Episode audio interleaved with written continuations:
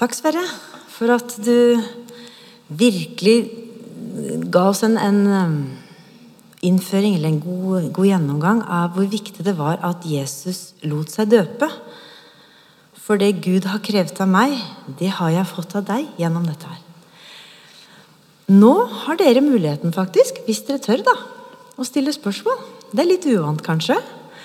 Men um, hvis dere har noen tanker, noen spørsmål eller noe dere lurer på, så vil Sverre forsøke å svare. Så da er ordet fritt. Spørsmålet er om dåpen var så aldeles ny, eller om vi finner noen røtter, eh, en slags bakgrunn, også i Det gamle testamentet. Og I Det nye testamentet så finner vi en tre-fire sånne tekster som sier at det var noen forbilder. Omskjærelsen alle guttebarn åtte dager gammel, det blir kalt et forbilde, eller motbilde, i Kolossebrevet kapittel 2. Det var altså omskjærelse bare for guttebarn. Omskjæring av kvinner er helt ukjent i Bibelen. Ehm, men det står ikke noen tekst i Gammeltestamentet om at omskjærelsen er en profeti på noe annet som skal komme, men når vi ser tilbake, så er det en slags likhet eller parallell der. Og Så skriver Paulus i 1. Korinterbrev 10 om at da Israel forlot Egypt gjennom Rødehavet, så ble de på en måte døpt til Kristus i Rødehavet. Og Det er jo en spennende, fin tanke. Så i ettertiden så kan vi se liksom en slags likhet. Og Poenget for Paulus i den teksten er å si at hele folket ble på en måte da døpt gjennom Rødehavet. Og likevel så falt de fra og hadde ikke del i frelsen fra hjertet, så nå må ikke dere tenke at en ytre sak kan sånn sett garantere en frelse.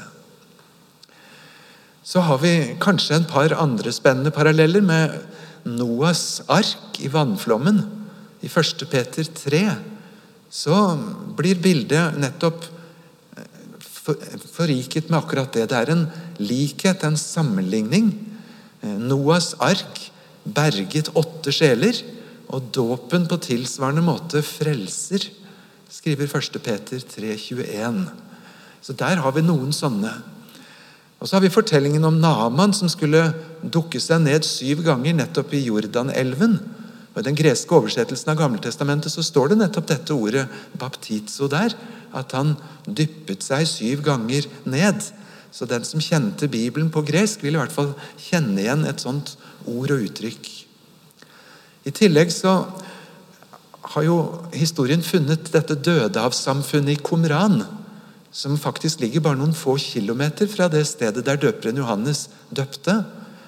Og den sekten som bodde oppi det klosterlignende samfunnet, de hadde noen sånne vannseremonier men det var sånn som de gjentok hver uke og hver dag for å rense seg fra synd.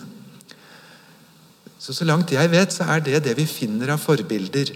Vannseremonier har det vært mange steder, men denne typen eh, inngang i det tror jeg er nokså ny både i religionenes verden og i forhold til Det gamle testamentet.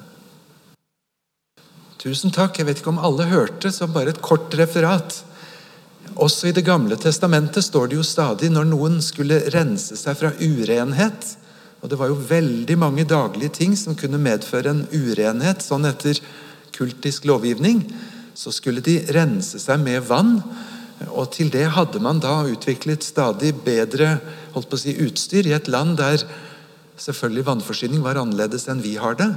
Og også like inn imot tempelet. Så selve det å rense seg og få vasket seg ren med vann som et hjelpemiddel, det var på plass. Og Andreas brukte det fine uttrykket 'infrastrukturen var på plass'. Men å døpes i Jesu navn og som en engangssending, det er der hvor det nye kanskje setter mest inn. Alltid farlig å gi et referat av, eh, av et godt innlegg, men kortversjonen. Takk skal du ha. Det er kjent fra gammel jødedom, det som vi da kaller proselyttdåpen. Hvis en som ikke var jøde, ikke omskåret, ikke født som jøde, ville bli det, så var det noen få slike steg man skulle ta, og ett av dem var en form for dåp. Det som er Den store usikkerheten, er at vi vet ikke hvor tidlig den proselyttdåpen var innført. Det er ganske mange forskere som tror at den ikke var på plass på Jesu tid enda, men kom i ettertid. Samtidig er det også litt underlig at de skulle adoptere en kristen skikk når konflikten etter hvert var så høy mellom kristendom og en jødedom som ikke ville ta imot Kristus. Så det er en usikkerhet hvor gammel ordningen kan ha vært. Men en proselyttdåp på jødisk mark vil jo ligge veldig nær til den kristne dåp. Og så er spørsmålet hva kom først historisk, og hvor utbredt var dette? Det er litt uavklart. Spørsmålet går altså på barnedåp, voksendåp, i forhold til våre pinsevennvenner, som tradisjonelt har både avvist barnedåpen og også premissene, grunnlaget, med den tunge vektleggingen som vi lutheranere har på at synd ikke bare er summen av noen handlinger, men det er noe vi er født med og født i. Og Jeg tror nok det at det er en ganske hurtig bevegelse i mye av pinsebevegelsen i dag. Nå kan du bli tillitsvalgt i pinsebevegelsen som barnedøpt uten å ta voksendåp. I en del menigheter kan du det. Så det er en kraftig nedtoning. Og Jeg vet mennesker som har kommet nettopp til Egil Svartdal i Philadelphia og ønsket å ta voksendåp, og hvor han har svart overraskende nok ja, kanskje det, men ikke før om minst ett år. Dette skal være gjennomtenkt, ikke bare noe du gjør av et øyeblikks overbevisning. Så konfliktlinjen er dempet ganske kraftig. Men hvis vi spør etter grunnlaget for hvorfor opponerte da baptister og pinsevenner mot barnedåpen, så stikker det ganske dypt. Mye av det handler også om utgangspunktet. Er et barn automatisk Guds barn fordi mor og far er det, før de blir døpt? Eller er vi ikke det? Når studenter spør sånn, så ber jeg dem slå opp i Efeserne 2, vers 3. Og så gi dem tid til å slå det opp.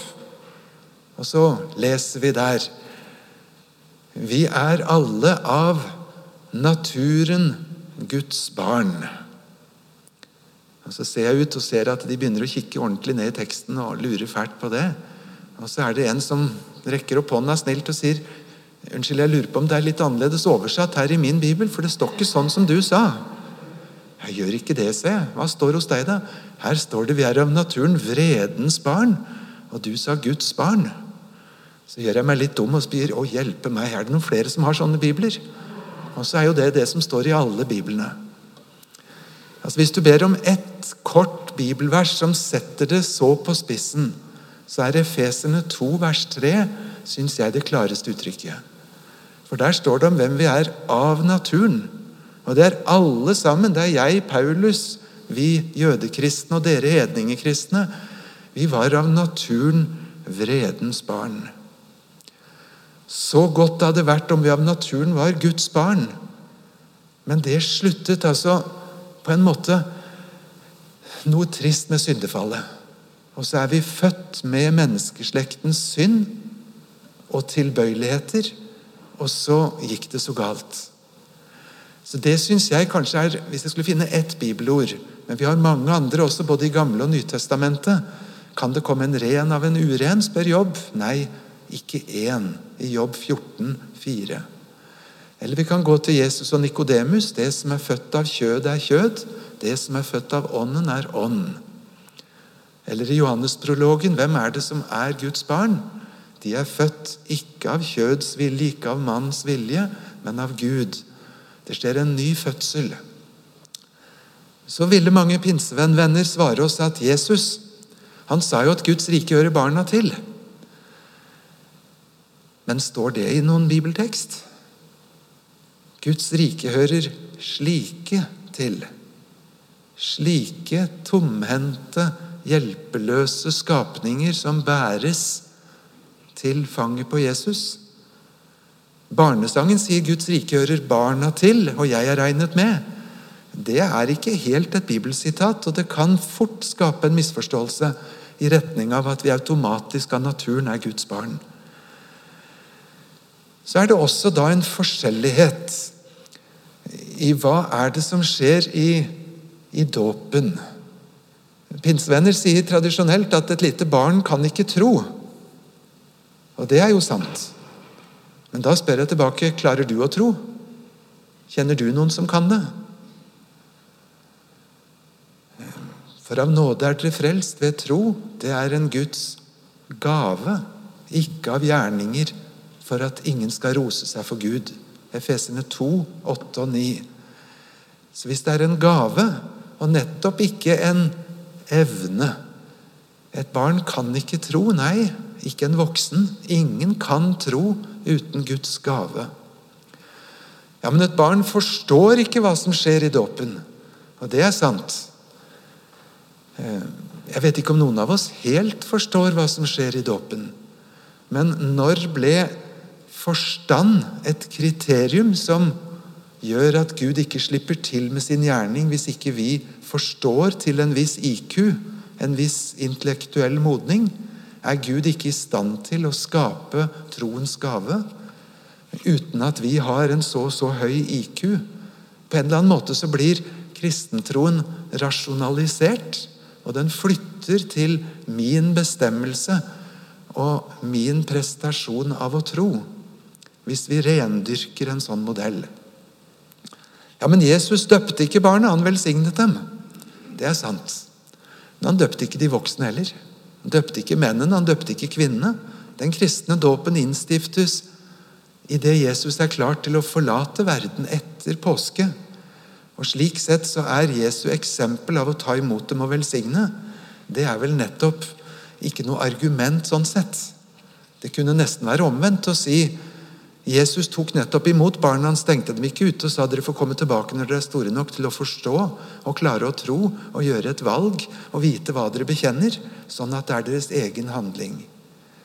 Ehm, så på en måte så ligger det noe i voksendåpargumentasjonen som flytter fokuset til hva jeg kan få til. Og Så hender det de sier at dåpen er jo en bekjennelseshandling, en lydighetshandling. Og det er det jo. Men det er noe mer. For det er ikke jeg som gjør, det er Gud som gjør. Han frelste oss ved badet til fornyelse og gjenfødelse ved Den hellige ånd, i Titus 3, vers 5. Og i 1. Peter 3 så frelste dåpen oss i sitt motstykke til Noas ark. Eller i apostelgjerningene 2,38, når Peter sier på pinsedag Omvend dere og la dere døpe, sånn at syndene deres kan tilgis. Frelsen tas imot. Så det er ikke helt uten grunner sånn sett at det ligger der i det. Dåpen er jo en begravelse, sier de. Og det er sant. Bibelen bruker uttrykket 'begravelse' i Romerne 6. Men det er mer enn en begravelse, for det er også en oppstandelse. Det er også begynnelsen på et nytt liv. I Kolossene 2 så står begge ledd veldig uttrykkelig med. Så hvis dåpen bare var min bekjennelse, min lydighet, jeg har valgt, jeg forstår, så hører dere summen blir hva vi gjør. Mens i Nyttestamentet så møter vi dåpen som en Guds handling og en Guds gave, eh, hvor Gud er subjektet. Og Det hender det avslører seg når noen bruker et uttrykk som å døpe seg. Kanskje har dere hørt det? Det finner du ikke i bibeloversettelsene. Der er de passiv. Å la seg døpe og bli døpt. Det er ikke selvbetjening i døpefonten hos Gud. Det er Gud som handler, det er Gud som gjør. Og vi tar imot. Vi står tomhendte. Guds rike hører slike hjelpeløse små til, som bæres dit. Dette betyr ikke at det er feil med voksendåp. Jeg fikk vokse opp i Japan som misjonærbarn, og de aller fleste som ble døpt, var voksne. Bare i de tilfellene der både mor og far var blitt kristne, var det aktuelt også å døpe barna, eller i noen unntakstilfeller hvor en ikke-kristen far eller mor lot barnet døpes sammen med ektefellen. Og Det er noe veldig realt over å se overgangen på den måten i misjonslandet, som også svarer til apostelgjerningene hvor de aller fleste som døpes, ser ut til å være voksne mennesker. Nå står det tre-fire ganger både i apostelgjerningene og første korinterbrev om noen som ble døpt med hele sitt hus. Og At det ikke skulle finnes barn i noen av de husholdene, ville være merkelig. Og etter datidens tankegang så fulgte hele husholdet med når foreldrene gikk inn i en religion, inn i en sammenslutning. Men det står ikke eksplisitt om barn som ble døpt der. Jeg vet ikke om det var et slags svar? Ja, ja tusen takk, eh, Sverre Bø, for eh, både talen din og for um, kloke og vel begrunnede bibelske svar på um, spørsmålene. Takk også til dere som kom med spørsmål i forbindelse med talen.